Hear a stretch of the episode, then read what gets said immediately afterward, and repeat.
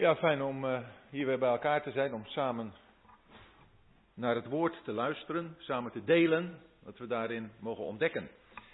En ik stel voor dat we eerst Handelingen, hoofdstuk 1, daar een gedeelte van lezen.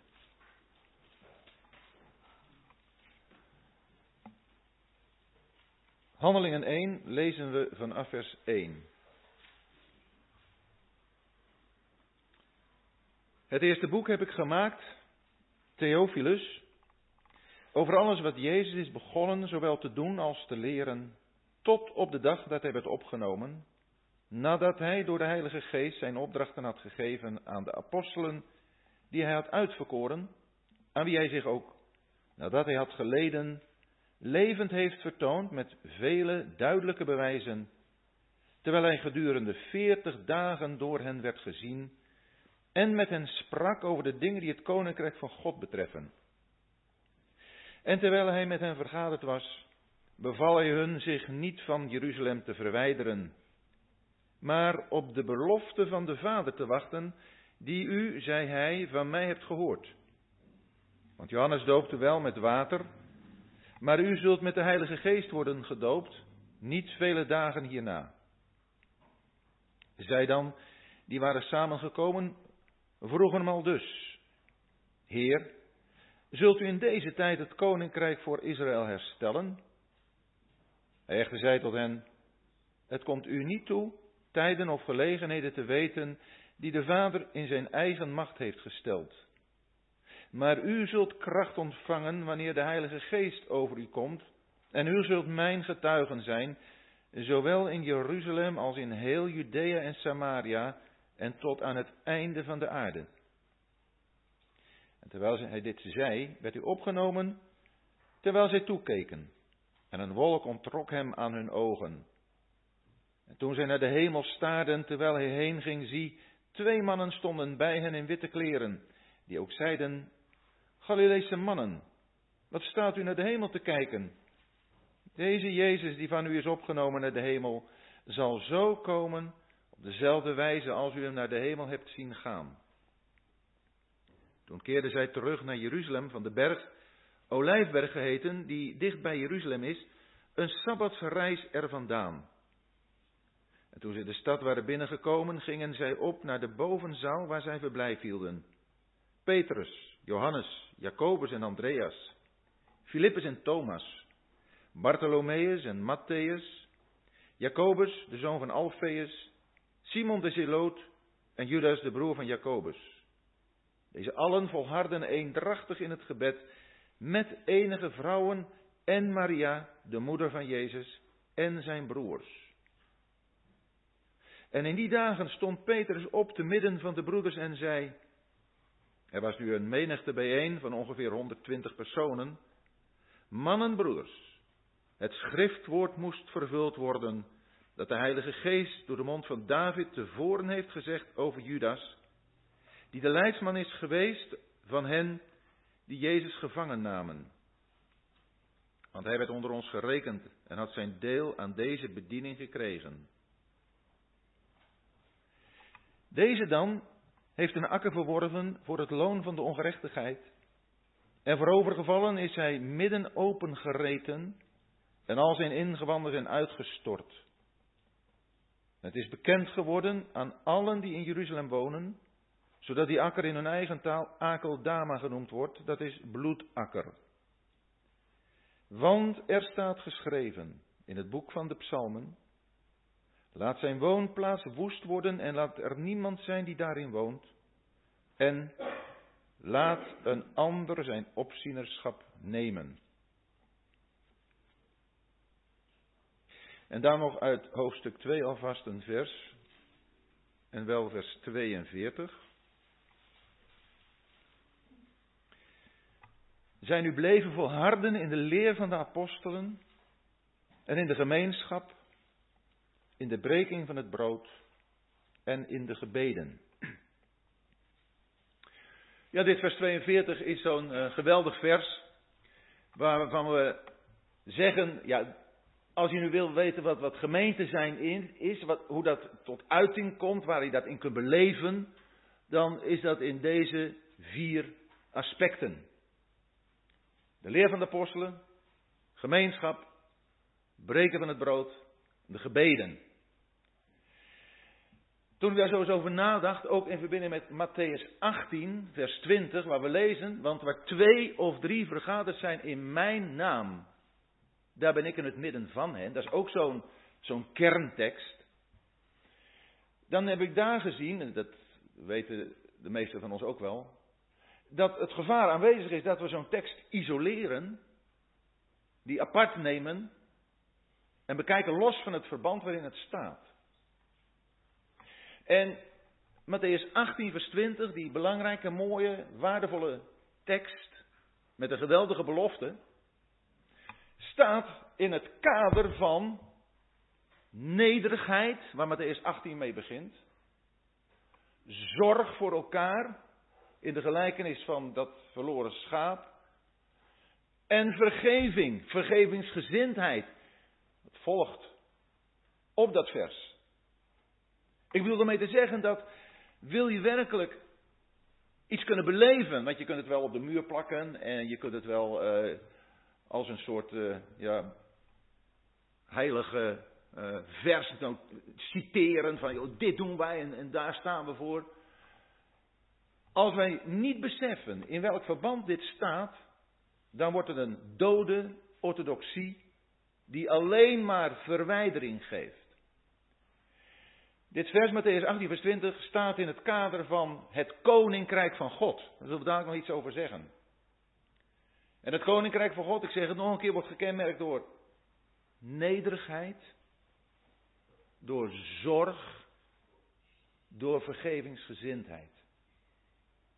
En toen ik Handelingen 2, vers 42 ook in dat licht eens ging bekijken, toen dacht ik, ja, dat is zo'n prachtig vers. Maar dat is ook ingebed in een bepaalde situatie. Want ik denk dat je dat pas kunt beleven, dat je daar ook het volle profijt van kunt hebben, daarvan kunt genieten, zoals het toen genoten werd. Als je eens gaat kijken naar wat daaraan vooraf gaat en wat daarop volgt. Wat waren de kenmerken van deze gelovigen die zo volharden in die leer van de apostelen, in die gemeenschap. In dat breken van het brood. In de gebeden. En toen ben ik handelingen 1 is rustig door gaan lezen.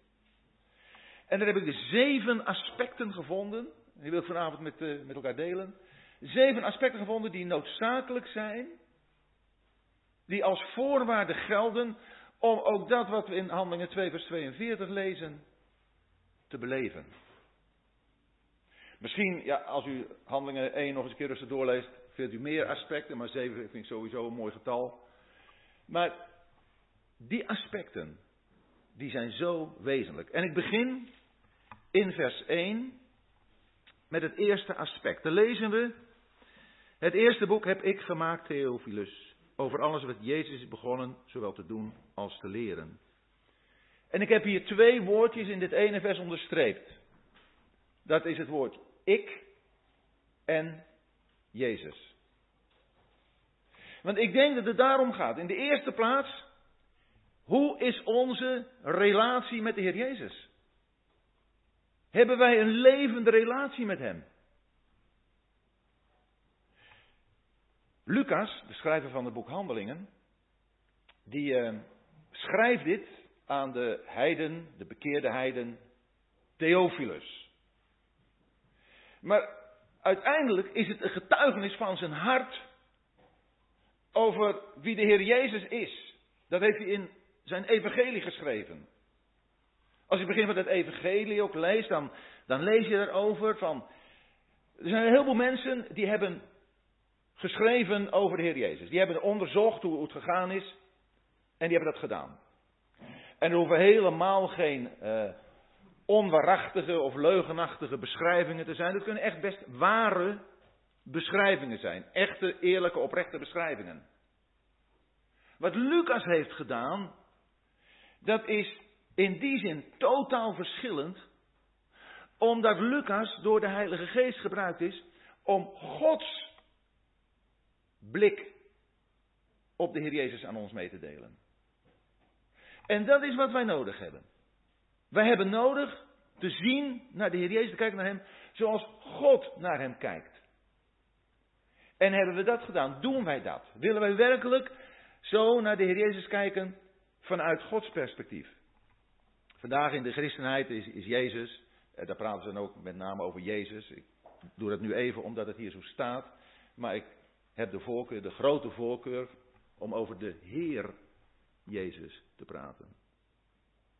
Omdat Hij werkelijk Heer is. Hij is gemaakt tot Heer en tot Christus. Maar dat populaire gebruik van Jezus en ja, vooral ook die volgende ik en Jezus. Het is tegenwoordig, ik had laatst een gesprek erover met iemand die nogal heel veel in de evangelische wereld komt. Het is een beetje een aaipoes godsdienst geworden. Het is een beetje van, joh, jij, jij bent zo waardevol.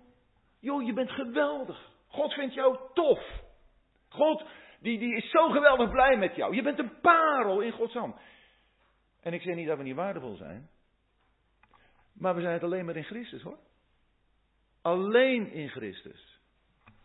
En vanuit die relatie, ik en Jezus, ik en de Heer Jezus, wie Hij voor mij is geworden door het werk op het kruis van Golgotha, kan ik daar iets over vertellen.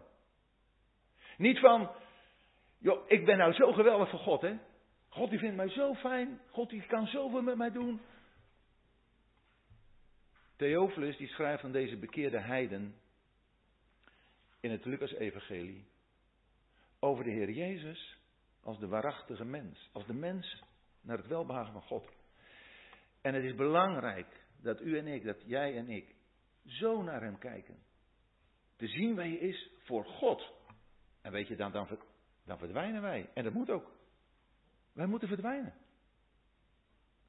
God is maar in één persoon geïnteresseerd en dat is Christus. En u en ik, wij mogen maar in één persoon geïnteresseerd zijn, dat is de Heer Jezus. Hij is het alleen waard. En wat hebben wij aan elkaar? Wij hebben aan elkaar zoveel naarmate we in de ander de Heer Jezus ontdekken.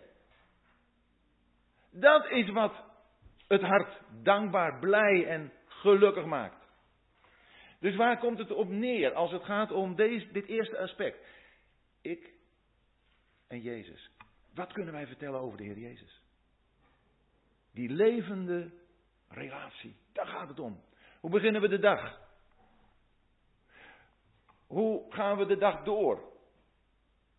Want het gaat helemaal niet om dat je ontzettend veel studeert in de Bijbel. Dat is helemaal niets op tegen. Graag. Maar het gaat erom dat je in de dagelijkse praktijk van je leven eigenlijk alle dingen doet. Met Hem. Voor Hem. Afwassen, stofzuigen, je huiswerk, je gewone werk in het dagelijks leven. Want deze mensen in het boek Handelingen, dat waren gewone mensen. Er zijn wel wat uitzonderingen die God een bepaalde plaats in zijn gemeente heeft gegeven. Maar het zijn allemaal gewone mensen. Die hun dagelijks werk deden. En vanuit de dagelijkse praktijk en hun leven met de Heer leefden en ook samen leefden. Want de Heer Jezus, als het hart van een ieder van ons naar Hem uitgaat, dan is het ook de geweldige bindende factor. Daar zullen we nog wel even over nadenken als we kijken naar gemeenschap. Dus punt 1. Hoe is jouw, hoe is mijn persoonlijke relatie met de Heer Jezus? Is die goed? Kijk, er is niemand die zegt, ja, voor mij is hij tip-top, hè. Dat is echt, dat kan, kan zeker beter. Maar we hebben toch het verlangen om hem beter te leren kennen. We hebben toch het verlangen om ons leven 24 uur per dag, 7 dagen in de week, voor hem te leven. Dat is waar het om mag gaan. En het verlangen naar de Heer Jezus brengt ons tot het verlangen Hem te dienen. En dat is wat we vinden in het tweede punt dat ik heb onderstreept. En dat is dat de Heer Jezus, dat hij dus was opgestaan en zich gedurende veertig dagen aan hen heeft vertoond. in die 40 dagen met hen heeft gesproken over de dingen die het koninkrijk van God betreffen. Het koninkrijk van God, als ik het goed heb, wordt in het, dit eh, boek Handelingen zeven keer genoemd. En het koninkrijk van God heeft dit als grote kenmerk, dat ieder daar die daartoe behoort, dat gebeurt door de doop, daar kom je door in het koninkrijk van God, maar dat even terzijde. Het gaat erom dat als je zegt of beleidt Jezus als je Heer te erkennen, dat je daarmee zegt, ik ben een onderdaan van Hem. Het koninkrijk van God, en de naam zegt het al, het koninkrijk van God wil zeggen, er is een rijk waarin een koning heerst over onderdanen. Nou, als wij de Heer Jezus als Heer beleiden, zeggen we daarmee, wij zijn onderdanen in het koninkrijk van God. Het koninkrijk van God is aangekondigd, vroeger al, in het Oude Testament. En het zou met de komst van de Heer Jezus ook een aanvang hebben kunnen nemen. Ware het niet dat Hij die de koning is, verworpen werd. Is daarmee dat koninkrijk van God dan vervallen? Nee. Het koninkrijk van God komt. Als hij Jezus terugkomt op aarde, gaat hij dat koninkrijk oprichten. Maar nu is het zo dat het koninkrijk van God er toch ook is. Alleen in een verborgen vorm. En dat wordt prachtig weergegeven, zoals we dat vinden in, het, in de brief aan de Romeinen. Romeinen 14. In vers 17. Daar lezen we, want het koninkrijk van God is niet eten en drinken, maar rechtvaardigheid, vrede en blijdschap in de Heilige Geest. Want wie Christus daarin dient, is voor God wel behagelijk en bij de mensen beproefd. Hé, hey, dit is mooi. Het koninkrijk van God zie je daar, waar mensen door de Heilige Geest Christus dienen in rechtvaardigheid, vrede en blijdschap. Rechtvaardigheid betekent dat wij aan God geven wat hem toekomt en dat wij aan de mensen, dat wij aan elkaar geven wat de ander toekomt. Recht doen. Leven naar het recht van God. En dat geeft vrede. Als wij zo met elkaar omgaan, is daar vrede. Als wij de egoïst zijn, en als we zeggen maar ik wil mijn recht hebben, is de vrede verdwenen. Rechtvaardigen betekent dat kijk wat de ander, wat ik de ander verschuldigd ben. En die vrede zal dan ons hart vervullen en daarbij ook blijdschap geven. Dan worden we gewoon blije, vredige christenen. En dan worden we als, als geheel worden we een gezelschap dat gekenmerkt wordt door die gerechtigheid. Door het doen wat recht is. In een wereld die vol onrecht is. In een wereld die vol oorlog is. In een wereld die vol verdriet en ellende is. Gerechtigheid, vrede, blijdschap. Dat is het koninkrijk van God. De heer Jezus heeft over het koninkrijk van God maar liefst 40 dagen met zijn discipelen gesproken. Daar zou toch graag bij geweest zijn. En toch, we hebben zoveel in het woord van God over het koninkrijk van God. En dat is, net als in Matthäus 18, de bedding waarin de gemeente is ontstaan. En de bedding waarin de gemeente ook alleen kan functioneren. Want het koninkrijk van God is ook dit. Dat wij allemaal persoonlijk onze eigen verantwoordelijkheid ten opzichte van God hebben. Wij mogen voor elkaar niet uitmaken hoe wij God dienen. Dat is ieder van ons persoonlijk de verantwoordelijkheid ervoor. Het enige waar we mee te maken hebben is dat we zien dat iemand een zondige weg gaat. Zondige dingen doet. En je mag best elkaar eens vragen van, hé, hey, waarom doe je dat zus? Of, of waarom doe je dat? Dat moet niet gelijk als commentaar of kritiek worden opgevat. Dat mag oprechte belangstelling zijn. Maar het is niet zo dat wij over elkaars geweten kunnen heersen. Want het is juist in dit kader, in Romeinen 14 en 15, dat dit koninkrijk van God genoemd wordt. Dan gaat het erover dat de een die stelt alle dagen gelijk en de ander die stelt de ene boven de andere dag.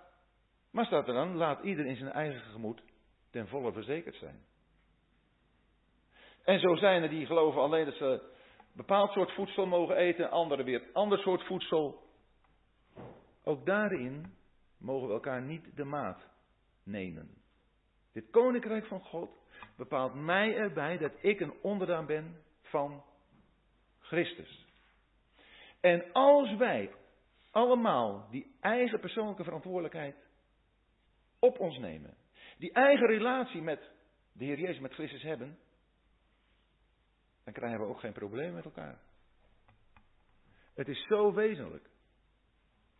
Alleen, ik denk ook dat het belangrijk is dat we onze motieven daarin toetsen.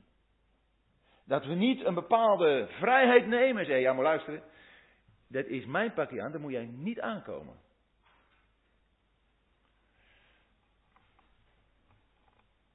Zoals iemand onlangs in een gemeente zei, en dat is iemand die uh, had een, heeft een relatie, en daarmee deelt ze ook al het bed zonder getrouwd te zijn. Dan moet je wat van zeggen. Want dat is zonde. Toen zei ze, luister, mijn vriend en ik hebben dat in de Bijbel opgezocht. En uh, wij hebben gedacht, en we zien dat het kan. Dat is natuurlijk Gods woord op de verschrikkelijkste manier manipuleren. Want er is niet één iets in de Bijbel dat dit goed praat. En dan moet je wel zeggen, maar je leeft in zonde. Dan kun je niet zeggen, ja maar luister, ik, ik zie het zo en jij moet je daar niet mee bemoeien. Dat werd dan ook gezegd.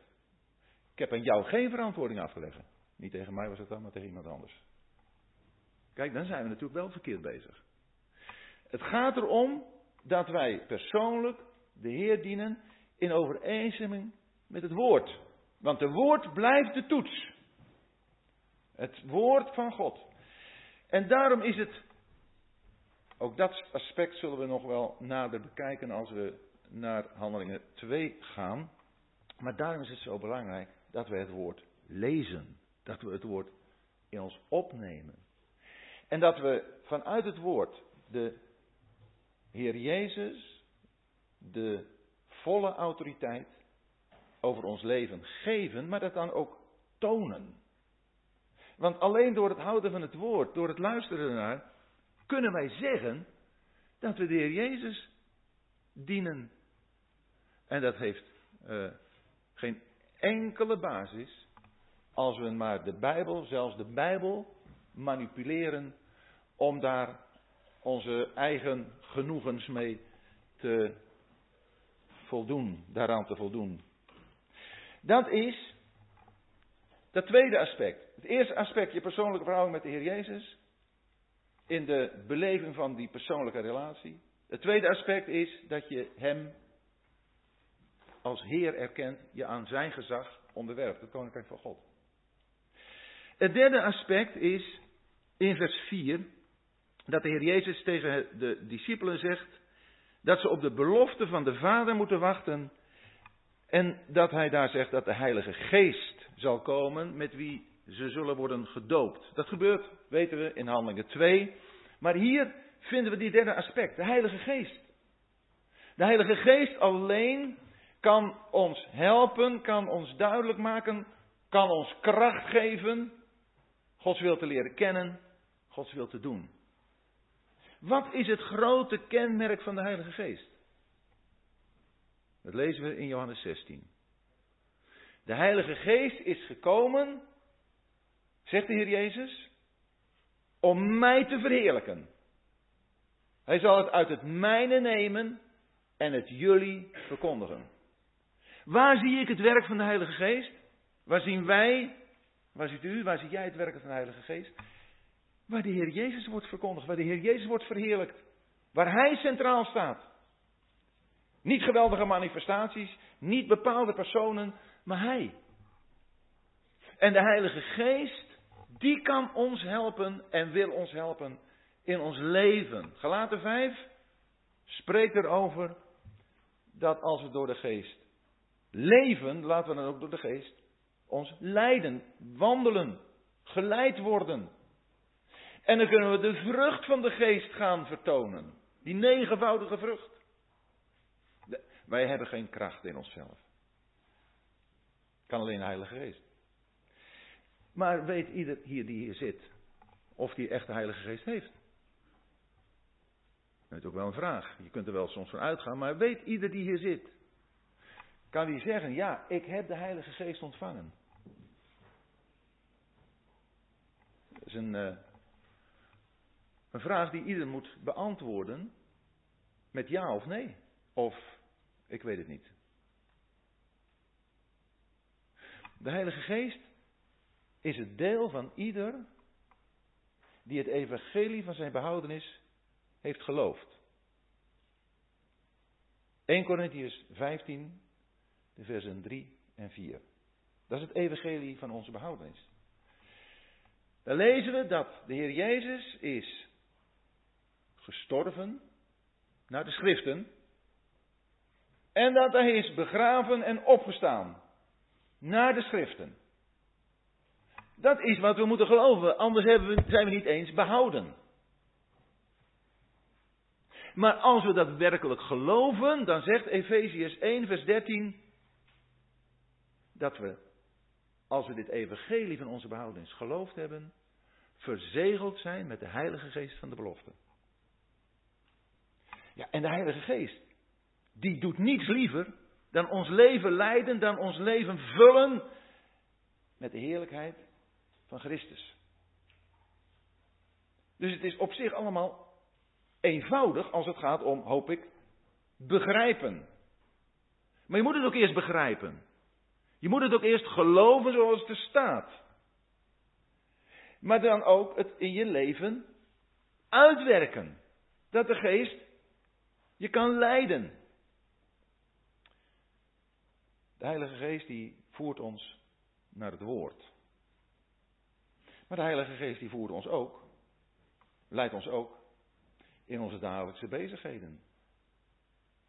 Want de manier waarop wij ons werk doen, het zijn de huishouding, het zijn de maatschappij of op school, zal zich daarin onderscheiden van de mensen, onze collega's, onze medescholieren, onze buren, zal zich daarin onderscheiden dat wij dingen doen, geleid door Gods geest, waarbij de schijnwerper niet op ons valt. Kijk eens, dat heb ik gepresteerd. Kijk eens, dat heb ik gedaan. Dat is toch. We hebben net uh, twee kleinkinderen uh, die geslaagd zijn voor uh, een MAVO, de ander HAVO. Die van de MAVO, die, die was kantje boord, van de HAVO, die was kantje boord. En toen die hoorde dat hij geslaagd ja geweldig, helemaal geweldig. En de leraar die, die dat zei, die uh, zei, nou heel fijn hè, dat, uh, ja, zei hij, uh, bedankt hè. Hij zit op een reformatorische school, hij zegt, je weet wel wie je moet bedanken hè. Je moet iemand anders bedanken. En zeker, er moet natuurlijk geleerd worden. Je moet je best ervoor doen. En dan mag je ook verwachten dat er een goed resultaat is. Hoewel soms ook, als je je best gedaan hebt, het toch nog niet lukt. Maar mag het lukken, dan is het nog niet iets waarvan je zegt: jongen, jongen, dat heb ik toch even goed gedaan, hè? Besef wel dat je daar de capaciteiten van de Heer voor hebt gekregen. Wat heb je dat je niet hebt ontvangen? En dat geldt niet alleen maar voor kennis van de Bijbel, dat geldt voor alles wat je in de maatschappij ook hebt verkregen. Daar mag je dankbaar voor zijn. Mag je verder ook weer gebruiken. Mag je uitbouwen je capaciteiten. Maar vergeet nooit dat je ze van de Heer gekregen hebt. En dat de enige manier waarop je het goed kunt gebruiken is dat Hij erdoor verheerlijkt wordt. Wat worden mensen, ook in de maatschappij, geweldig in het zonnetje gezet. Geweldig geroemd en geprezen. Wat is het dan mooi als je toch hoort. Ja, ik word wel bedankt. Ja, maar ook een dank aannemen. Want je zult ook uh, goed je best gedaan hebben. Maar er is toch maar één die de eer toekomt. Want hij heeft het je doen gelukken. Daar gaat het om.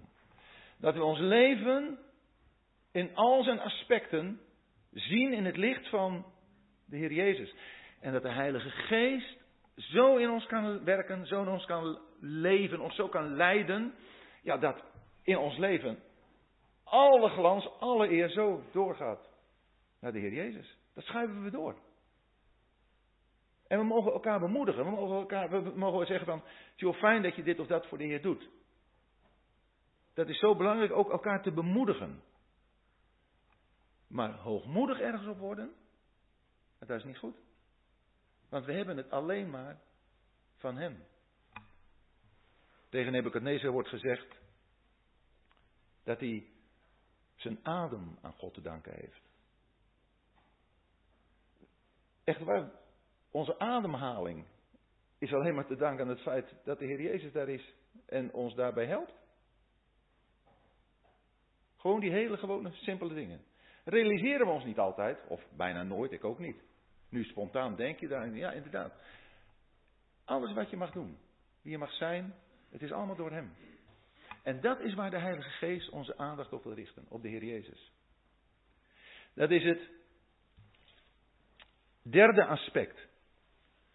Het vierde aspect, dat vinden we in vers 8.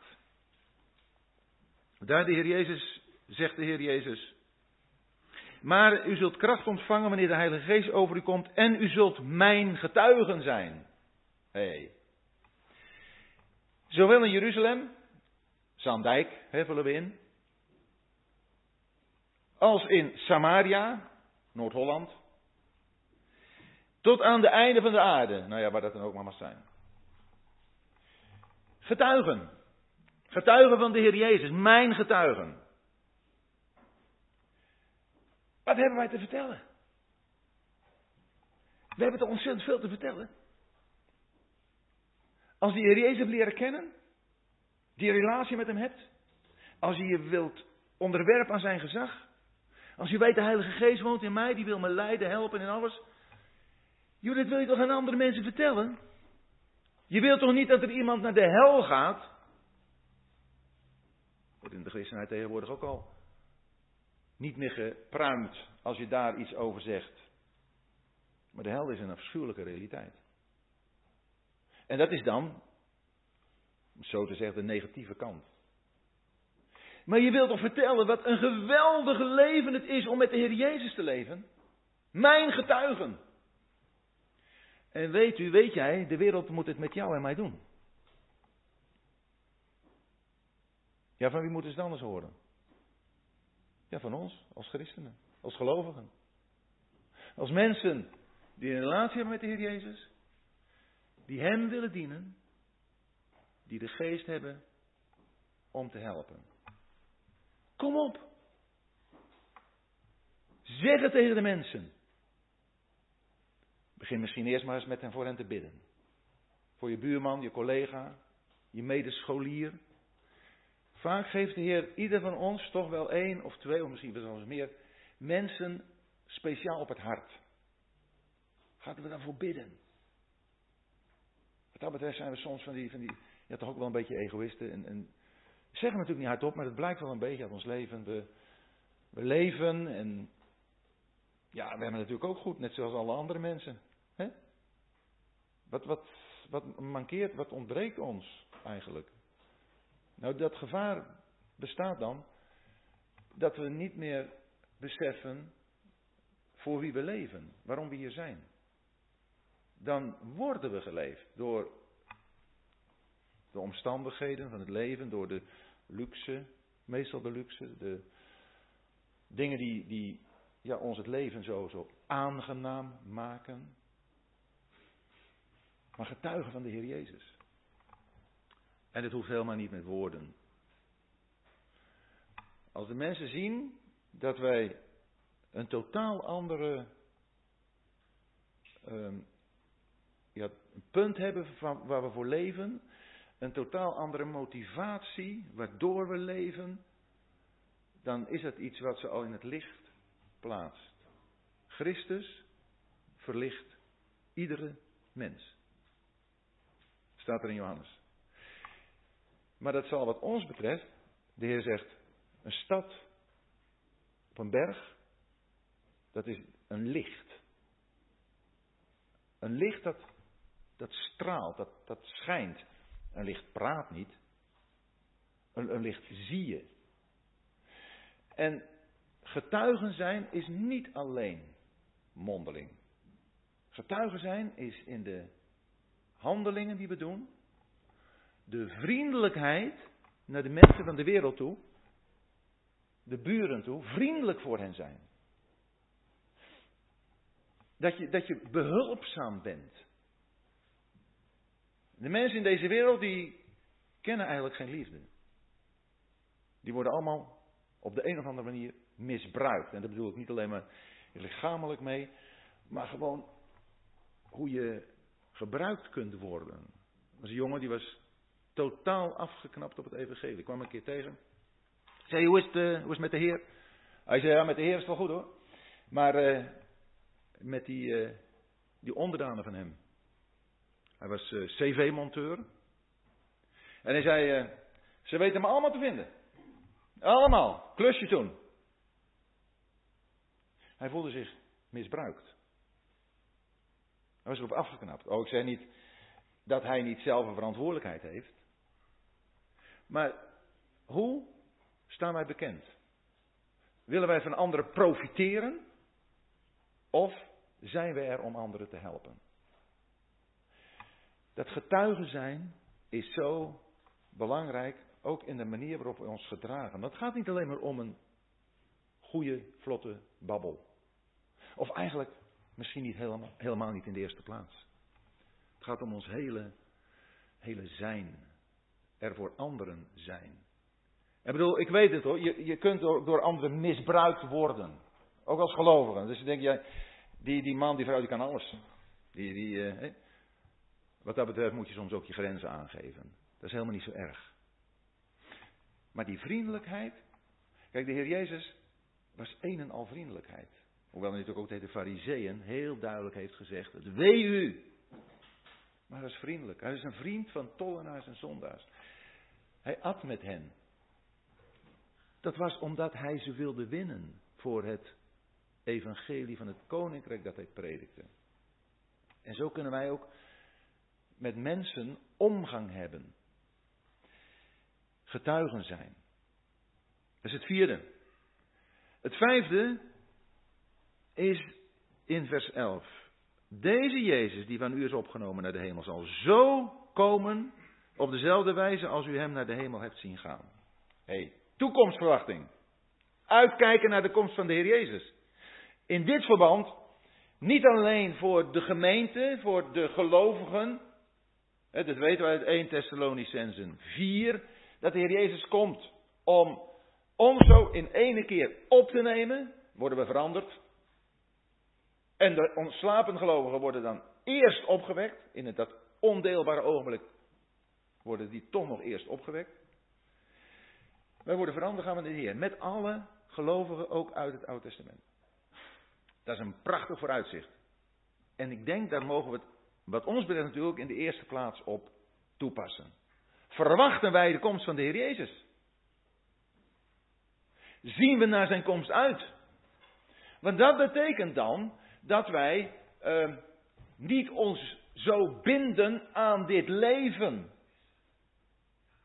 Want wat, wat boeit het nou dat als er gevoetbald wordt in de straat en ze schoppen een bal tegen je auto, dat uh, een deukje in zit of dat er soms eens een krasje in komt. dat zijn toch niet de dingen die, uh, die er dan toe doen ik zeg niet dat je je auto als uh, doel moet laten functioneren. Maar het gaat erom, waar maken we ons druk om? Die bal in de tuin die je mooie bloemetjes eventjes knakt. De Heer kan elk moment komen. En het is zo wezenlijk dat wij ook wat dat betreft de dingen, de aardse dingen die we hebben, waar we ook verantwoordelijkheid voor hebben, maar in dat licht bezien. Zelfs onze onderlinge relaties, ook in het huwelijk, ook in het gezin, mogen we in dat licht bezien. De tijd is kort. De Heer Jezus komt. En dan gaan we naar Hem. En hier in dit verband, zoals gezegd, gaat het erom dat Hij ook terugkomt naar de aarde. Verlangen we daar ook naar. Dat Hij op aarde komt om dan werkelijk eerst alle kwaad uit te zuiveren en dan te gaan regeren. En dan krijg je vrede op aarde. Waar zulke pogingen voor in het werk worden gesteld en die keer op keer falen. Het enthousiasme en het optimisme van regeringsleiders is onwaarschijnlijk. Maar ja, de arme mensen hebben ook niks anders. Dus ze moeten wel.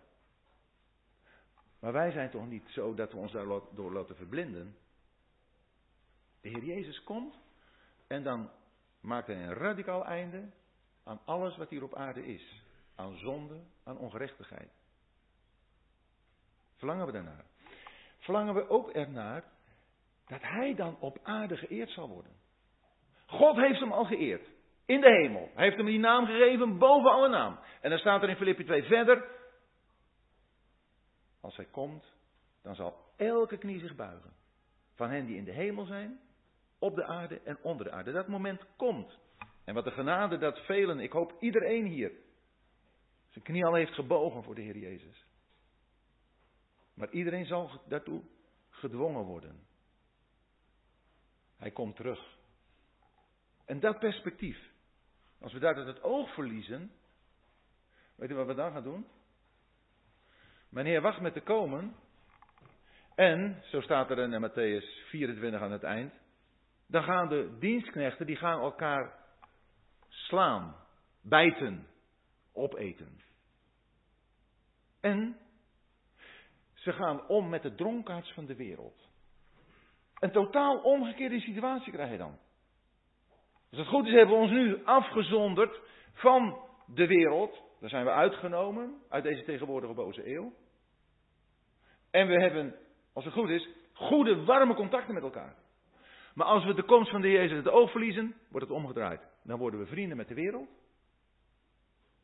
En dan worden we vijanden van God, maar ook van elkaar. Dat verwijdert. Daarom is het wat we in Exodus 32 vinden zo veelzeggend, waar uh, Mozes de berg op gaat en dan, als hij niet zo vlug terugkomt, dan zeggen de Israëlieten, jongen, we weten niet wat er van hem geworden is hoor. Laten wij maar een, een God maken en een feest. Nou, en dan maken ze de afgod. Ze hebben Mozes uit het oog verloren. Waar blijft hij nou? Nou, en als je nou uitblijft, dan ga je bezighouden met wereldse dingen. Dan ga je je werelds denken, dan ga je werelds handelen. Daarom is het zo belangrijk. De komst van de Heer Jezus te verwachten, naar hem uit te zien. En dan hebben we nog twee punten, die zal ik ter van de tijd uh, wat sneller naar voren brengen. In vers 6, dan lezen we dat ze allemaal volharden als ze zijn teruggekeerd naar Jeruzalem in het gebed. Vers 14. Het gebed. Ook dat krijgen we dadelijk nog als een uh, bijzonderheid in wat de gemeente betreft. Maar het gebed. Als je ziet dat we hier voorwaarden hebben, als je ziet dat we hier het, de bedding hebben waar, waarin dadelijk de Heilige Geest kan neerdalen en de gemeente gevormd, uitgebouwd kan worden, dan zien we hier mensen die in gebed zijn. Ik denk dat die geest van gebed, ja, die is nodig, die is onontbeerlijk. Als we die geest van gebed niet hebben, zullen wij ook als gelovigen eigenlijk niet tot ons recht komen. Want gebed is nu juist het besef van afhankelijkheid. Zij hebben hier hoogstwaarschijnlijk gebeden voor de komst van de Heilige Geest. In Lucas 11, eh, vers 13 heeft de Heer Jezus daarop gewezen. Wij hoeven niet te bidden om de komst van de Heilige Geest. Want hij is gekomen. Wij mogen weten, ik heb het aangehaald, dat de Heilige Geest in ons woont. Maar hier is de, ja, er zijn de discipelen bij elkaar om te bidden voor dat wat gaat komen.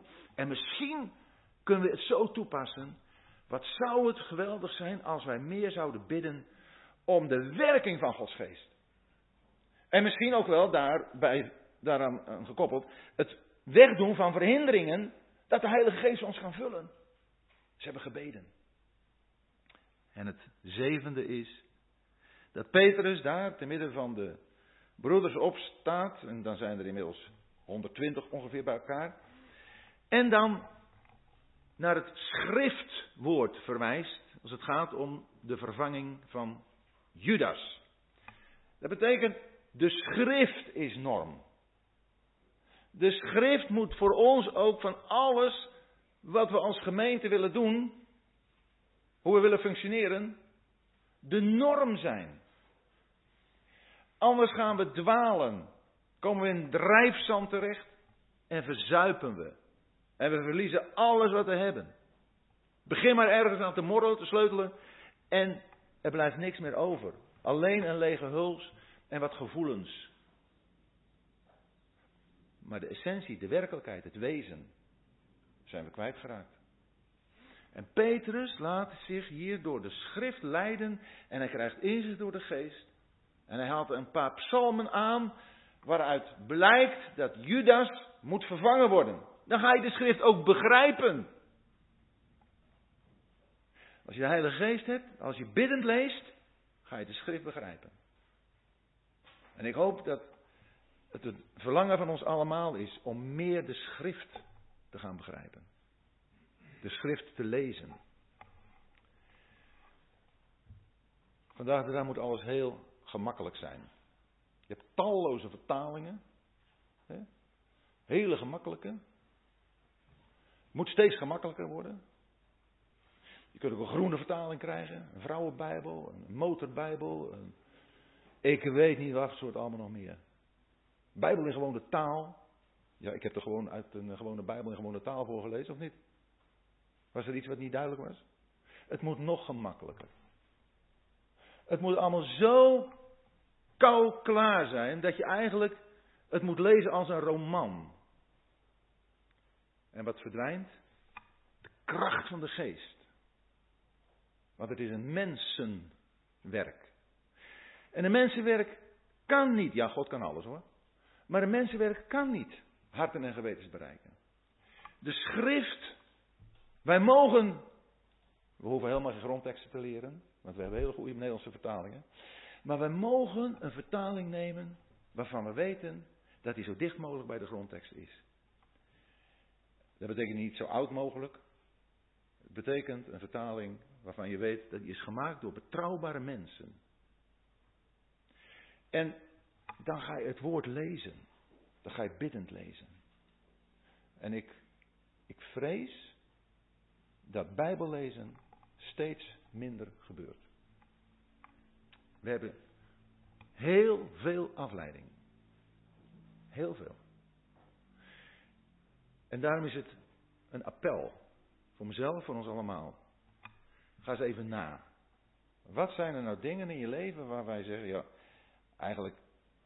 En dan gaat het niet maar om, om aspecten, maar dat we gewoon, gewoon ons realiseren, ik heb het ook wel gehad, dat je eigenlijk in zo'n uh, leefpatroon terecht bent gekomen. Ja, dat je af en toe nog wel de Bijbel leest natuurlijk. Hè, bij, maar de Bijbel lezen, daar is echt tijd voor nemen. Misschien is een uurtje per dag. Een uurtje per dag? Ja, uurtje per dag, bijvoorbeeld. Om te lezen, biddend te lezen. Dan gaat de schrift voor je leven. Dan gaat de schrift voor je Ja, zo gaat die open. Zoals ik bij Petrus. Dan ga je het begrijpen. En ik hoop dat de Heer dat geeft aan ons. Dat we zo deze aspecten, die zeven punten die ik nu net genoemd heb, nog eens rustig overdenken. En denken van ja, hoe kan ik dat in mijn leven waarmaken? Hoe kunnen we dat met elkaar ook beleven? En dan kunnen we zien, en zo de Heer wel na de pauze, wat dat voor de gemeente heeft betekend in het leven van elke dag. Uh, ik wil graag nog even een paar versen lezen, verder dan 42, uh, 2 vers 42. We lezen nog even Handelingen 2, vers 42 tot 47. Zij nu bleven volharden in de leer van de apostelen en in de gemeenschap, in de breking van het brood en in de gebeden. En er kwam vrees over elke ziel. En vele wonderen en tekenen gebeurden door de apostelen in Jeruzalem. En er was grote vrees over allen. En allen nu die geloofden waren bijeen en hadden alle dingen gemeenschappelijk. En ze verkochten hun goederen en bezittingen en deelden ze uit aan allen nadat iemand nodig had. En met volharding waren zij dagelijks eendrachtig in de tempel en braken brood aan huis en namen samen voedsel met vreugde gejuich en eenvoud van hart, terwijl zij God prezen en gunst hadden bij het hele volk. En de Heer voegde dagelijks bijeen die behouden werden. Ja, nu mogen we een beetje nader kijken naar deze uh, vier aspecten waarin de gelovigen in deze eerste tijd van de gemeente bleven volharden. In de eerste plaats is dat in de leer van de apostelen. Uh, ik heb zelf ook vroeger wel gedacht, ja dat is uh, de Bijbelbespreking. Dat je als gelovige bij elkaar komt om samen Gods woord te onderzoeken. En dat is op zich natuurlijk uh, ook een, een goede zaak. Maar ik denk dat het toch wat verder toegepast moet worden. Dat ze bleven, dat ze bleven volharden in de leer van de apostelen betekent dat ze hun hele leven baseerden op wat zij van de apostel hadden geleerd. En dat betekent dat wij ons hele leven baseren op Gods woord. Want daarin hebben wij nu de leer van de apostelen. De leer is niet een uh, droge theorie. De leer is het onderwijs dat door ons wordt begrepen, in ons hart wordt aanvaard en in het leven van elke dag wordt uitgeleefd. De Bijbel kent niet zoiets als eerst een stuk theorie en dan de praktijk. In de Bijbel is het altijd met elkaar vervlochten. Kijk, in het leven van elke dag, daar ga je eerst een bepaalde tijd naar school. En je leert iets waar je later wat mee kunt doen, een opleiding, om dan in de maatschappij te gaan werken. Het woord van God is een woord dat zodra je tot bekering bent gekomen, dat je leest en ook in praktijk brengt. Het heeft direct invloed op je zijn, op je bezig zijn. Maar het is natuurlijk wel belangrijk dat je dat woord ook steeds beter gaat leren kennen. God heeft zijn woord gegeven van Genesis 1 tot Openbaring 22, het laatste vers. En een christen die daar geen belangstelling voor heeft, die kan zeggen wat hij wil, maar dat is geen christen. Iemand die de Heer Jezus van harte lief heeft, die wil graag weten wat hij heeft gezegd. Ik ben ooit in gesprek geweest met een jonge man, op de markt was dat. En uh, ja, die zei ook dat hij christen was. Ik zei, nou, lees je de Bijbel? Nee, zei, de Bijbel lees je niet. Nee. Ik zei, hoe kan dat nou? Dat is hetzelfde als dat je bent verliefd en je krijgt een brief van je meisje en die zet je gewoon op, de, of die op tafel, die lees je niet. Dat is toch niet te begrijpen? Het woord van God is wat God ons vanuit zijn hart meedeelt om met ons te delen. En als we iets hebben begrepen van de verlossing, als we iets hebben begrepen van de redding uit de wereld, en iets hebben begrepen dat we nu kinderen van God zijn, een geweldige toekomst hebben, dan ga je toch lezen in de Bijbel. Dan ga je toch ontdekken, dat wil je toch, wie die persoon is die zo zijn leven voor jou heeft ingezet. Toen op het kruis, maar ook nu nog. Elke dag is hij voor jou en mij bezig. Op dit moment, zo staat het in de Bijbel, leeft hij altijd om voor ons tussen beiden te treden. Ons heel te helpen door dit leven heen te gaan. Dat is dan al de praktische kant. Maar hij heeft ook zoveel verteld, en dat is het tweede waar we over lezen in Johannes 16, waar de Heilige Geest voor gekomen is, dat hij zal ons de toekomstige dingen vertellen. Dat is ook de leer van de apostelen. Ook de leer van de toekomst is zo belangrijk dat we die leren kennen. De toekomst. Veel gelovigen houden zich er helemaal niet mee bezig. Het boek Openbaring is, is een, uh, geen openbaring, maar gesloten. Helemaal dicht. Veel te moeilijk. Nou, dat vindt de duivel geweldig. De duivel die vindt het geweldig als gelovigen zich niet met het boek Openbaring bezighouden. Waarom niet? Vindt het te moeilijk. En waarom vindt hij het geweldig? Nou, daarin staat zijn eigen einde getekend. En daar wil hij liever niet dat wij ons daar ook maar enigszins een gedachte bij vormen. Hij wil het boek Openbaring voor ons gesloten houden. De Bijbel, de leer van de apostelen, daarin hebben de eerste gelovigen volhard. Dat is de basis geweest van een hele samenleven. Dat ook heeft hun gemeenschap bepaald. Ze hebben ook volhard in de gemeenschap. Jongen, wat geweldig. Gemeenschap te hebben met medegelovigen die diezelfde basis hebben. Want inderdaad, een andere basis voor gemeenschap is er niet. Johannes schrijft in zijn eerste brief: Onze gemeenschap nu is met de Vader en met zijn zoon Jezus Christus. En dan zegt hij: Deze dingen schrijven wij u, opdat uw blijdschap voorkomen wordt. Nou, dus je daarmee bezighouden, om te zoeken, geeft blijdschap. Het woord van God maakt duidelijk dat er een nieuwe gemeenschap is. Vroeger hadden we die gemeenschap helemaal niet.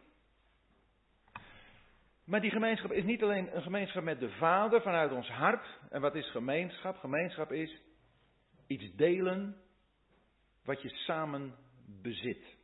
Wat bezitten wij met de Vader? De Zoon. Wat bezitten wij met de Zoon?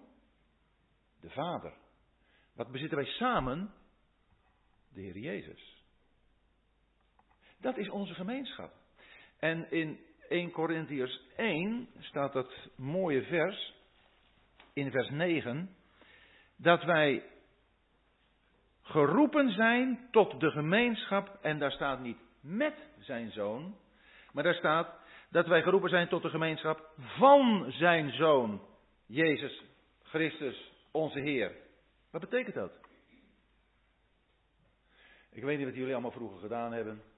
Maar ik heb een beetje sport gedaan. En dan had je een gemeenschap van mensen die die bepaalde sport deden.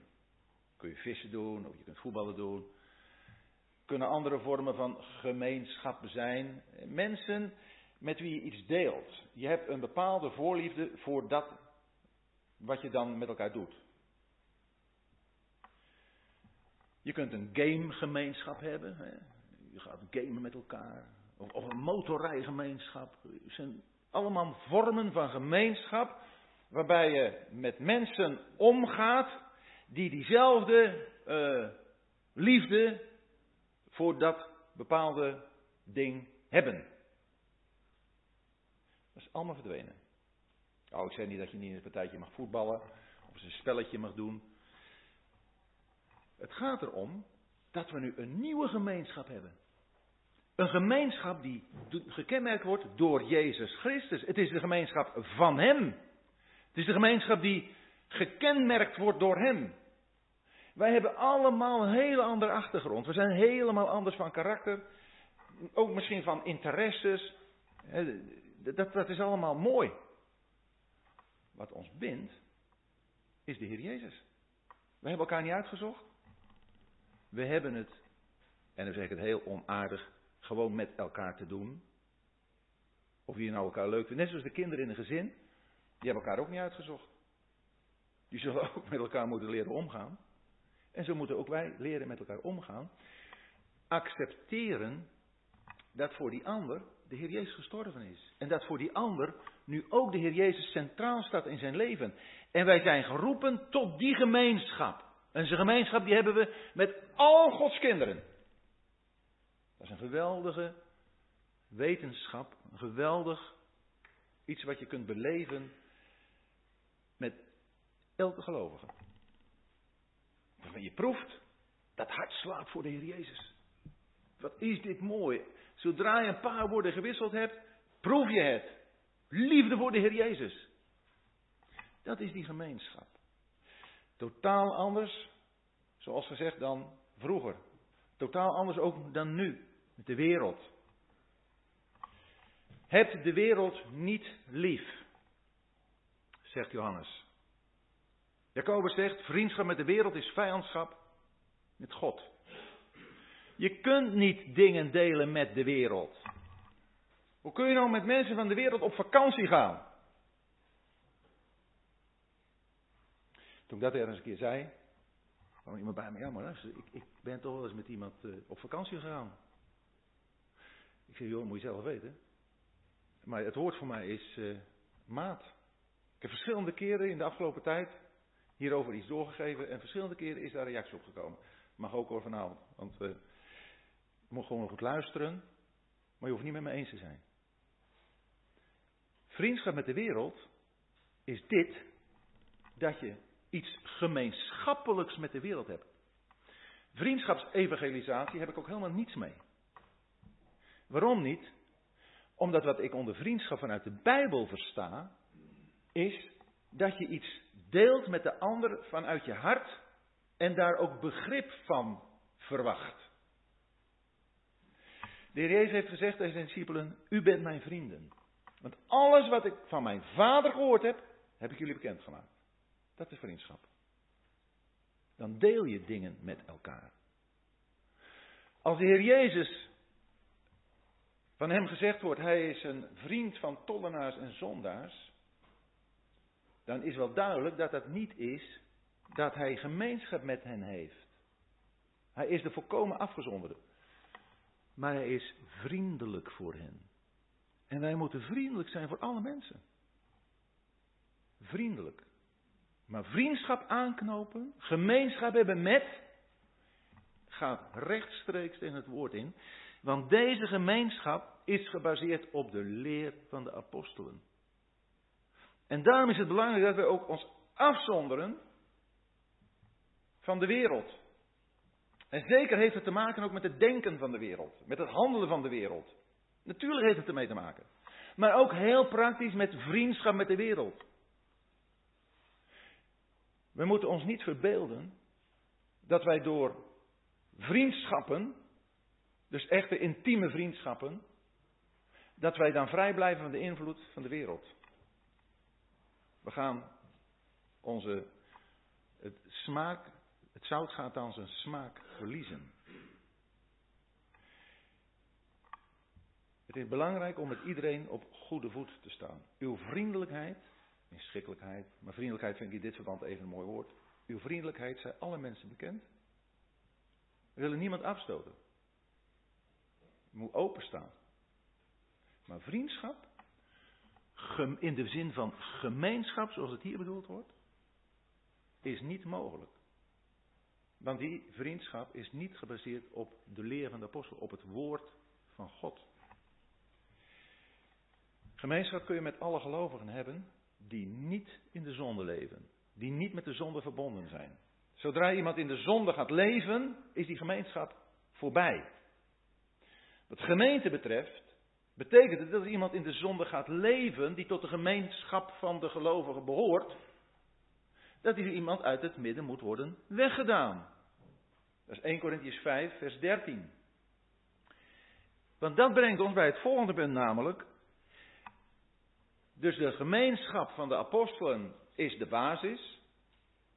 De leer van de apostelen is de basis. De gemeenschap vindt op die basis plaats. En hoe wordt die nou beleefd, ten diepste beleefd? Of ten diepste, ja, ook, op een bepaalde manier wel. Ten diepste beleefd in de breking van het brood. De breking van het brood, daar lezen we over in 1 Corinthians 10. Wij, de velen, zijn één lichaam. Eén brood. Er is natuurlijk geen enkele ruimte voor iemand die de Heer niet kent.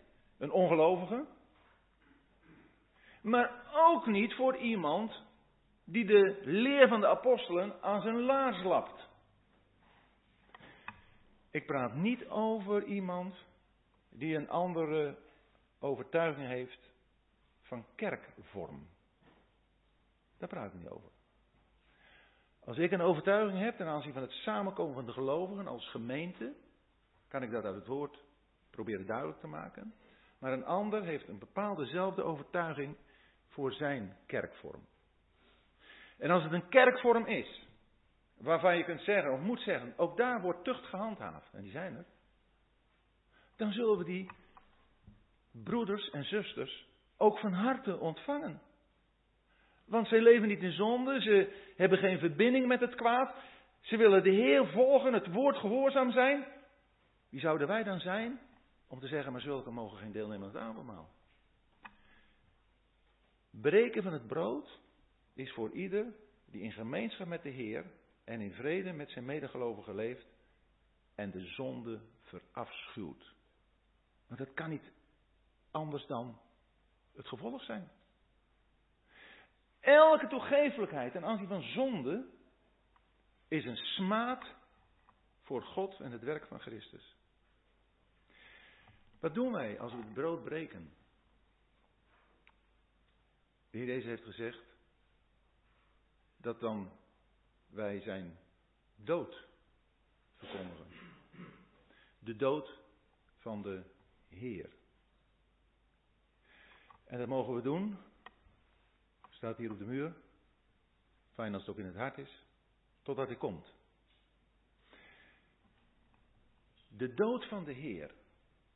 En dat maakt de breking van het brood toch tot iets bijzonders. Bepaalt ons op een indrukwekkende wijze erbij dat de Heer Jezus in de dood is gegaan. En iemand heeft het zo gezegd dat er eigenlijk niet een grotere tegenstelling is dan de dood en de Heer. En toch heeft wat we doen dit tot uitdrukking, de dood van de Heer. Mijn Heer ging voor mij in de dood. Waarom? Omdat ik zo'n ellendige, hopeloos verloren zondaar ben. Met ontelbaar veel zonden. Waar God mij voor tot een eeuwigheid in de hel had moeten werpen. En de Heer heeft al die zonden op zich genomen. Zou ik dan nog één zonde willen handhaven? Ik kan zondigen. Iemand kan door een overtreding overvallen worden. Maar iemand die in de zonde leeft, getuigt van het feit dat hij het werk van Christus veracht. Dan kan hij zeggen wat hij wil, of zij, maar zo iemand veracht het werk van Christus. Die kan onmogelijk deel uitmaken van dit bijzondere gebeuren, het nemen van het brood en het drinken van de wijn. Waarbij we uitdrukking geven aan onze liefde voor de Heer Jezus. Aan zijn wens. Doe dit tot mijn gedachtenis. Dat is de breking van het brood. Doe dit tot mijn gedachtenis. En wat, wat, wat doe je dan met elkaar? Dan ga je toch steeds meer onder de indruk komen van wat hij Jezus gedaan heeft. Wie hij is voor de Vader. Dan ga je tot de Vader danken voor hem. En als we dan denken aan, ook zoals we hier zijn samengekomen, hè, in de tempel en in de huizen, dan heeft het helemaal niet meer te maken met een bepaalde geografische plaats. Niet meer met een gewijd gebouw of gewijde kleding of, of uiterlijke dingen. Dat vind je ook steeds meer in de christenheid. Joodse elementen komen steeds meer terug in de christenheid. Kaarsen, kruisjes. Mm, om te zwijgen van al die Joodse feesten. Tot en met de Sabbat aan toe die weer worden geïntroduceerd. Vreselijk. Het is het dichtnaaien van de van bovenuit gescheurde voorhang. Als je weer gaat introduceren in de gemeente, wat God eens aan Israël heeft gegeven, maar wat door de dood van Christus, de verwerping van Christus, heeft opgehouden enige waarde voor hem te hebben. Dat wil je ook niet. Want dan ga je iets begrijpen van wat de Heer Jezus tot de Samaritaanse vrouw heeft gezegd. Die Samaritaanse vrouw was ook nog een beetje, uh, of een beetje veel verbonden met het aardse. En ze zegt tegen de Heer, we moeten maar even lezen trouwens, in Johannes hoofdstuk 4.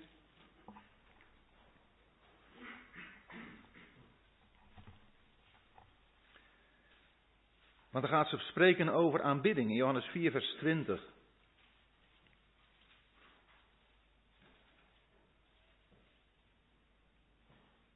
Vers 19. De vrouw zei tot hem: Heer, ik zie dat u een profeet bent. Onze vaderen hebben op deze berg aangebeden. En u zegt dat in Jeruzalem de plaats is waar men moet aanbidden. Jezus zei tot haar. En ineens, toen ik het aan het voorbereiden was, viel mijn aandacht erop, werd mijn aandacht erop, dat hij zegt: Geloof mij. Geloof mij. Het gaat om geloof. Ja? Niet om dingen die uh, zichtbaar, tastbaar zijn, maar geloof mij. Daar gaat het om. Wij wandelen door geloof, niet door aanschouwen. En dan zegt de Heer, geloof mij, vrouw, er komt een uur dat u nog op deze berg, nog in Jeruzalem, de Vader zult aanbidden. U aanbidt wat u niet weet. Wij aanbidden wat wij weten, want de behoudenis is uit de Joden. Maar er komt een uur, en het is er, dat de ware aanbidders de Vader zullen aanbidden in geest en waarheid. Immers, de Vader zoekt zulke personen die Hem aanbidden. God is een geest. En wie Hem aanbidden, moeten Hem aanbidden in geest en waarheid. Geloof mij, zegt de Heer Jezus. Hebt geloof in God, gelooft ook in mij, zegt hij in Johannes 14. Het gaat om geloof. Niet om wat tastbaar is, zichtbaar is. Het gaat om geloof. Geloof mij. En dan spreekt de Heer Jezus over het feit dat de vrouw die, die aanbad wat ze niet wist. Het was Samaritaanse, het was een hele vermenging van godsdienst. Maar ook Jeruzalem was het niet meer. Nog in Jeruzalem. En dan zegt de Heer Jezus niet, maar nu moet je naar Cairo. Of je moet naar Tel Aviv. De Heer noemt geen plaats. De Heer die spreekt nu over kenmerken. Hij zegt dat er dus nog op deze berg, de berg Gerizim, nog in Jeruzalem, de Vader wordt aanbeden, maar dat het zal gebeuren in geest en waarheid. Dat zijn de ware aanbidders. De ware aanbidders zullen de Vader aanbidden in geest en waarheid. Dat betekent op een geestelijke wijze, dus niet meer met tastbare dingen, en ook in waarheid. Dat betekent in overeenstemming met de geopenbaarde waarheid. Dat wat hij van zichzelf heeft bekendgemaakt. Hij is vader. Kennen we hem als vader? Dat is wat de geest ons ook laat zeggen. Abba, vader. De Jezus heeft het gezegd in Marcus, in Gethsemane, Abba, vader. En er staat van ons twee keer dat wij zeggen door de geest, Abba Vader in Romeinen 8 en Galaten 4. Abba Vader. En het is een totaal andere verhouding dan de Joden tot God hadden. De naam Vader wordt in het Oude Testament weer enkele keren genoemd in verbinding met Israël, maar daar met het volk als geheel. Niet één Jood kende God als zijn persoonlijke vader. Vader is in het Oude Testament, de keer dat dat voorkomt, altijd de naam van God als de oorsprong van zijn volk. Maar u en ik, jij en ik, wij hebben die vader als onze persoonlijke vader. Wij mogen zeggen, Abba, vader. En u wil de vader zo graag dat wij bij hem komen om hem te aanbidden. Die personen zoekt hij. Misschien dat het wel aangeeft dat ze niet zo dik gezaaid zijn. Het is net als in Leviticus 1, daar wordt het brandoffer beschreven. En het brandoffer is het geweldige beeld van de Heer Jezus die volkomen aan God is toegewijd. En dat spreekt van die aanbidding. Als wij een brandoffer brengen, dan vertellen wij de Vader wie de Heer Jezus voor hem geweest is. En dat begint, Leviticus 1, met als iemand van u. Ook maar enkelingen misschien. Maar die enkelingen kunnen u en ik zijn. Ieder van ons kan dat zijn.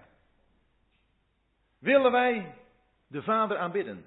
De Vader zoekt ze. De Vader zoekt ons. De Vader verlangt ernaar. Het is het enige waar we lezen in de Bijbel dat de Vader zoekt. De Vader zoekt geen evangelisten, zoekt geen leraars, zoekt geen toegewijde mensen. Allemaal belangrijk op zijn plaats. Maar wat de Vader zoekt, is aanbidders. En ik weet niet of u dat een beetje herkent, maar als je uh, kinderen hebt, dan, dan kan het gebeuren dat zo'n kind komt bij je en dan. Ik weet niet, pas een verhaaltje gehoord, maar het verhaaltje is nooit mijn sterkste kant. Maar in elk geval, het komt hierop neer dat zo'n kind dan bij zijn vader komt en zijn vader vraagt: wat wil je? En dat het kind zegt: Niks papa, ik wil alleen bij u zijn. En zoiets mogen wij tegen de vader zeggen. Kennen wij die omgang met de vader op die manier? Gewoon bij de vader zijn. En zeker dan ga je iets vertellen over de Heer Jezus. Maar je hoeft ook daar niet um, ja, geweldige veel woorden voor te gebruiken. Want de vader, die vindt het gewoon fijn als we bij hem zijn. Als we bewust bij hem zijn. En dan gaan we hem vertellen over de Heer Jezus, zeker. Maar dat op een manier dat dat niet hoogdravende taal is. Dat we niet denken van ja, ik moet een bepaalde manier van spreken hebben. Of, of dat hoor je ook wel, hè? Mensen die. Ik heb het wel eens gehoord met een collega heel lang geleden. Ging aan het strand zitten.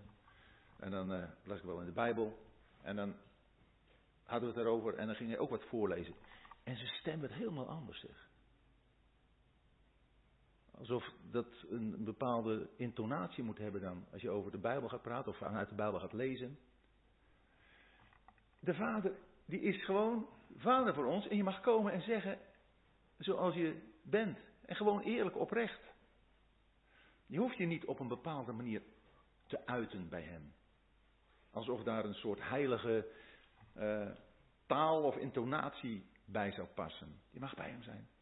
Vertel Hem wie de Heer Jezus voor je is. Het is helemaal geweldig als we dat met elkaar mogen doen, als gemeente. Want hier gebeurt het in de gemeente. Maar hoe zouden wij het in de gemeente kunnen doen als we het thuis niet doen? Johannes 4 gaat het echt over dat persoonlijke ook.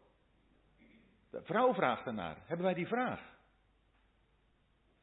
En als we die vraag hebben, dan zullen we het toch ook thuis doen? We bidden, aanbidden dan toch thuis de Vader? Want als we dan in de samenkomst komen van de gemeente, ja, dan, is het ook weer niet ineens heel anders. Alsof dat dan ineens een, Ik herken het best wel hoor, dus het is geen. Misschien moeten we daar ook een beetje in veranderen. Als we hier bij elkaar komen zondagsmorgens, dan is dat vanwege die geweldige ontmoeting met de Heer Jezus. En dan is het om de Vader te aanbidden. Om de Vader te vertellen wat een geweldige zoon hij heeft. En als je er allemaal vol van bent, dan ga je niet op elkaar zitten letten. Maar dan ga je vanuit je hart het hem vertellen. En dat mag iedere broeder hardop doen. En de zuster, die moeten zwijgen.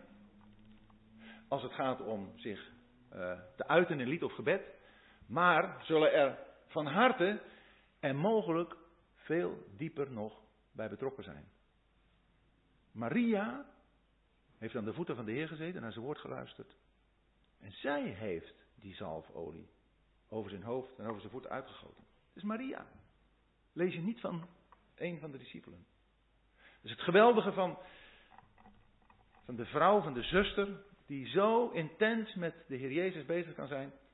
Want het gaat niet maar om het je uiten hardop, het gaat om wat er het hart is. Want een broeder die kan de mooiste volzinnen spreken, terwijl zijn hart er buiten staat. Toch kan de Heer het gebruiken om de gevoelens van anderen, van het geheel misschien, te uiten. Dit is allemaal iets zo moois, zo waardevols, dat wat die gelovigen hier hebben gedaan, het breken van het brood, en waar wij door dat we in Corinthiërs erover lezen, weer iets meer van weten. Ook voor de samenkomsten lezen we dat in 1 Corinthians 12, 14, met 13 weer in het midden, als het motief de liefde. Maar dan gaan samenkomsten gewoon geweldig worden. De breking van het brood. Daar blijf je niet weg zonder geldige reden. Als er iets is, zegt de Heer Jezus, wat je hebt met een ander, dan moet je wel even je gaven voor het altaar laten, heen gaan je verzoenen, maar dan komen en je gaven offeren. Je moet de zonde het niet laten winnen van je aanbidding voor de Vader. De Heer geeft een mogelijkheid tot opruimen. En zo mogen we bij elkaar komen om dit geweldige maal, dit avondmaal, deze maaltijd van de Heer met elkaar te vieren. Die de Heer heeft ingesteld. Waarbij we allemaal mogen komen. Als we rein zijn. Als we, voor zover we weten, want ook het aspect van zelfonderzoek is uh, belangrijk. 1 Corinthians 11 spreekt erover. Je moet jezelf onderzoeken. Ook, we hebben het al even over gehad, die gemeenschappelijke verantwoordelijkheid. Maar als je oprecht van jezelf ik denk nee, er is niets in mijn hart wat ik nog moet veroordelen of iets wat ik met een ander in orde moet maken. Oprecht, we voelen onze zwakheid, kunnen we toch het avondmaal vieren, brood breken. En dat brengt me gelijk bij het volgende punt. We voelen onze zwakheid. Vandaar dat ze ook hebben volhard in de gebeden. Ze hebben,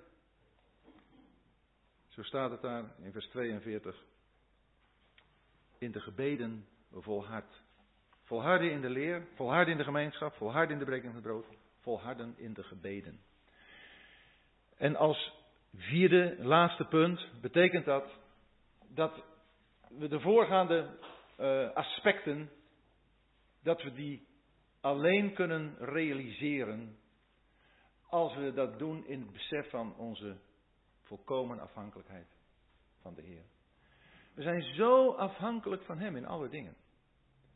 En als we met elkaar bidden, hè, we hebben dat in hoofdstuk 1 ook al gezien, dat gebed, dat heeft een samengebracht, dat heeft een, uh, ook de uitstorting van de Heilige Geest, als het ware, als antwoord op een gebed gegeven. En hier vinden we dat zij bidden om de Heer te vragen om hen als gemeenschap te bewaren. Ook als het gaat om de breking van het brood, ook als het gaat om het volhouden in de leer van de apostelen. Want wij hebben daartoe eenvoudig niet in onszelf de kracht. En net zo als het gaat met het lezen van het woord van God, is het ook vaak met het gebed. Dat dat zo vaak wordt nagelaten. Wij eh, lezen in een geschiedenis in Marcus dat er een, een vader is die een, een, zoon heeft. Met wie die uh, grote problemen heeft, een grote nood. Die vader heeft zijn zoon bij de discipelen gebracht.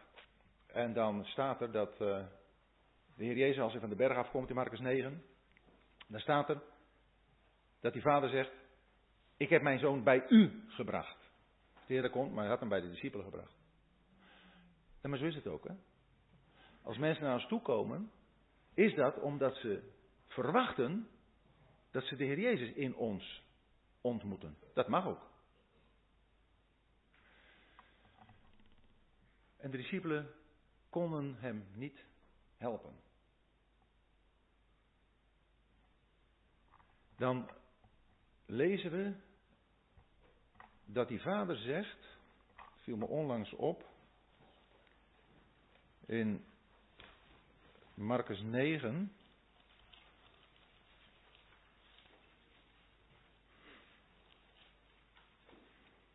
In vers 22.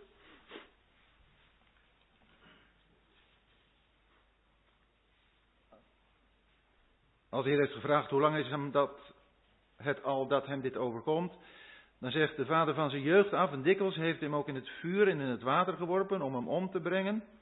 Maar als u iets kunt, wees met ontferming niet over hem, maar over ons bewogen. En help ons. Als je een nood hebt, zeker met betrekking tot je kinderen, dan zal elke vader, elke moeder zeggen: Het is ook mijn nood. We voelen onze onmacht. We voelen misschien ook onze verantwoordelijkheid ten aanzien van wat er gebeurt.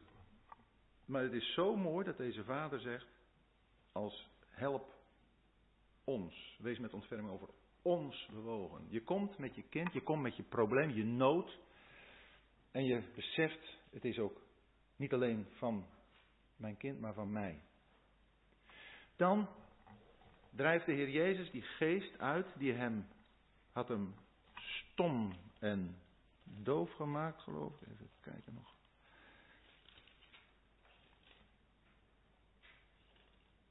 Ja, hij heeft een, een stomme geest. In vers 18. Eh, maar in vers uh, eh, 25 staat, en nu Jezus, toen nu Jezus zag dat de menigte kwam toelopen, bestrafte hij de onreine geest en zei tot hem, stomme en dove geest. Is een onreine geest die stom en doof maakt. En dat is een van de aspecten vandaag de dag waar we mee te maken hebben. Onreinheid. Ongelooflijk veel. De kikvorsen, om het even in beeld te zeggen, zijn massaal over ons gekomen. Deze plaag van de kikvorsen. En kikvorsen, zegt openbaring 16, zijn onreine geesten. En waar lezen we, wat lezen we in, in Exodus over deze kikvorsen? Dat ze zijn in de baktroggen en in de bedden. Dat betekent de onreinheid wordt gegeten en uitgeleefd. Dat is onreinheid. En ik denk dat heel veel geestelijke kracht in gemeenten verdwijnt, omdat onreinheid niet meer herkend wordt zelfs. Dat men zonde geen zonde meer noemt. Ik kreeg een e-mail van een, uh, een broeder uit een bepaalde kerk. Ik weet de naam niet zo goed meer van, uh, van die kerk. Hij was een organist. En hij uh, genoot enorm van de lectuur van, van oude sporen.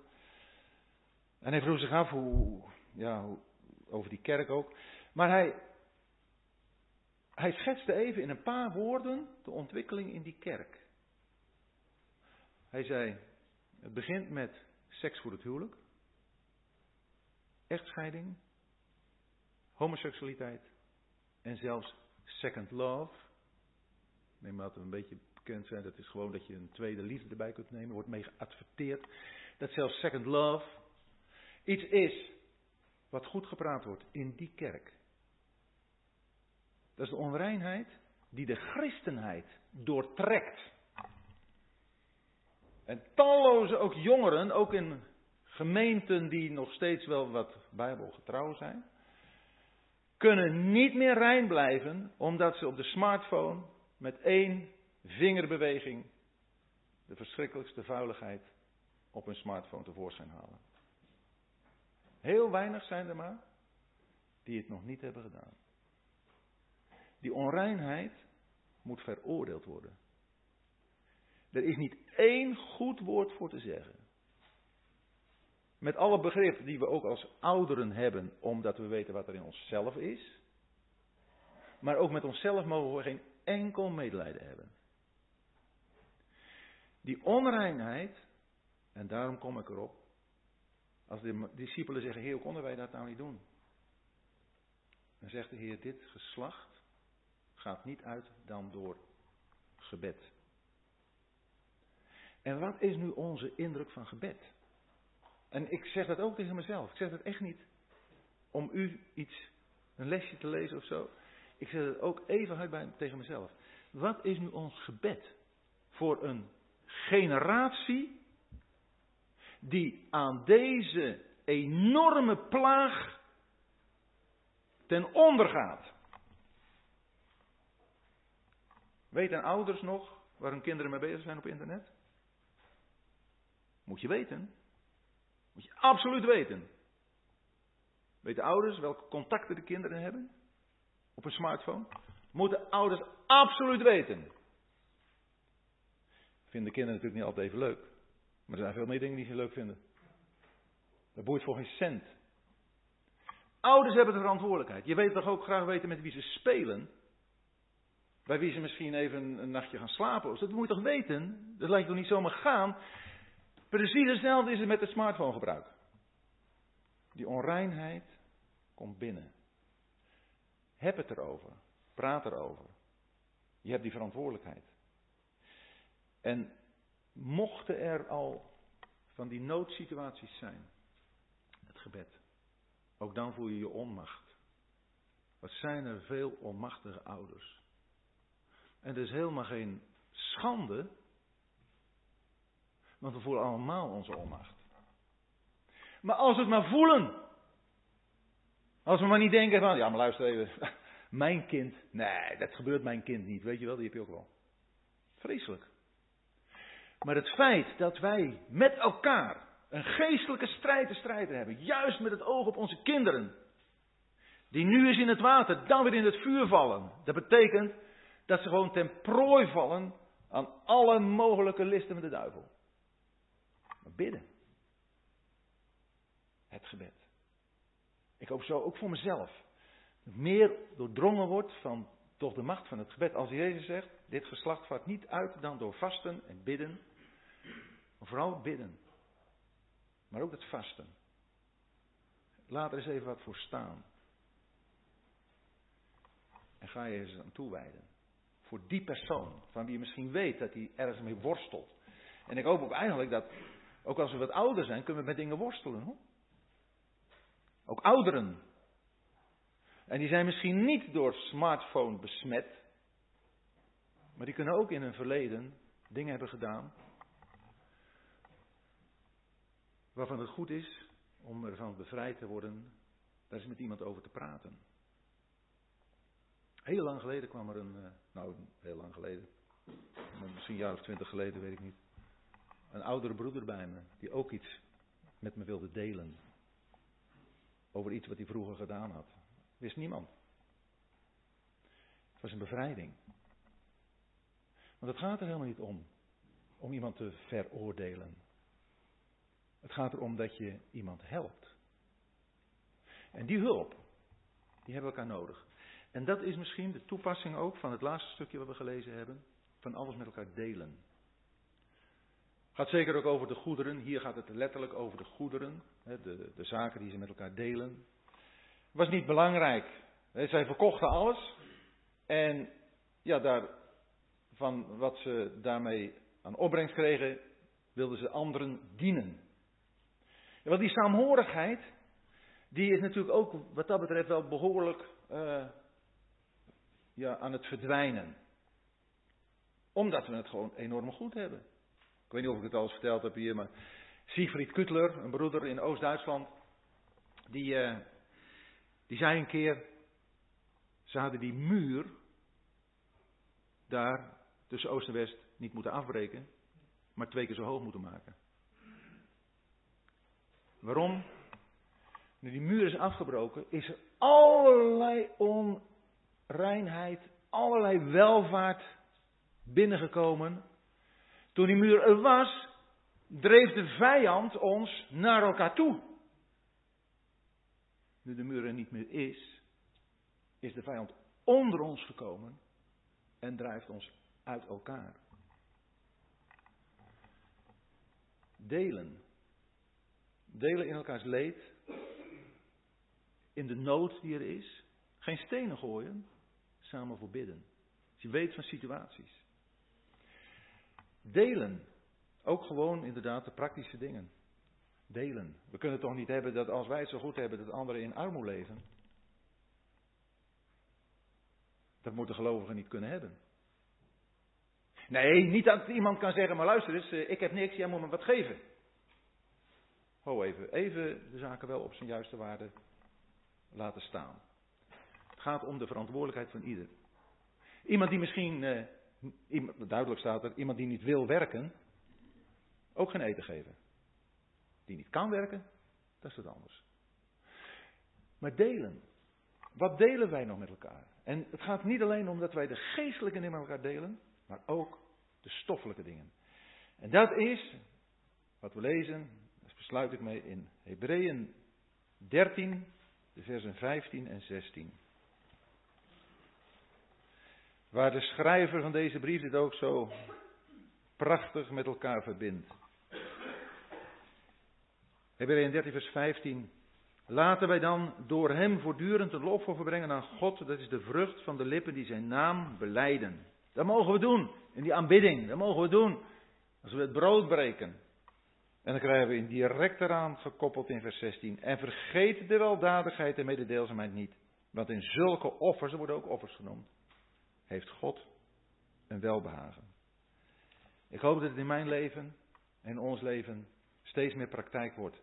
Dat we wat de eerste christenen heeft gekenmerkt, elk geval willen vasthouden. Het verlangen hebben dat ook zo te beleven. En dat wij ook met elkaar gaan delen wat we hebben gekregen. Geestelijke zegeningen, ook aan stoffelijke zegeningen. Dat we die gemeenschap, gebaseerd op de leer van de apostel, op het groot van God, en die we tot uitdrukking mogen brengen op een speciale manier, die gemeenschap in de breking van het brood, in het besef van onze zwakheid, dat we uit, uh, wat we uiten in onze gebeden, dat we in dat besef zo met elkaar gaan leven, dat we werkelijk een gemeenschap zijn. Niet alleen zondags, maar ook continu door de week. En we hebben allemaal onze bezigheden door de week, dat is natuurlijk heel goed en uh, nodig. Maar dat je ook wat dat betreft belangstelling voor elkaar hebt. En uh, ja, mogen de Heer het zegenen, ook voor mij, voor ons, dat wat we zien in de eerste gemeente, tenminste het, het begin van de gemeente, dat het ook, toch ook in deze tijd, anno 2018, nog enigszins in het samenkomen van gelovigen tot uiting mag komen. Tot eer van de Vader, tot eer van de Zoon.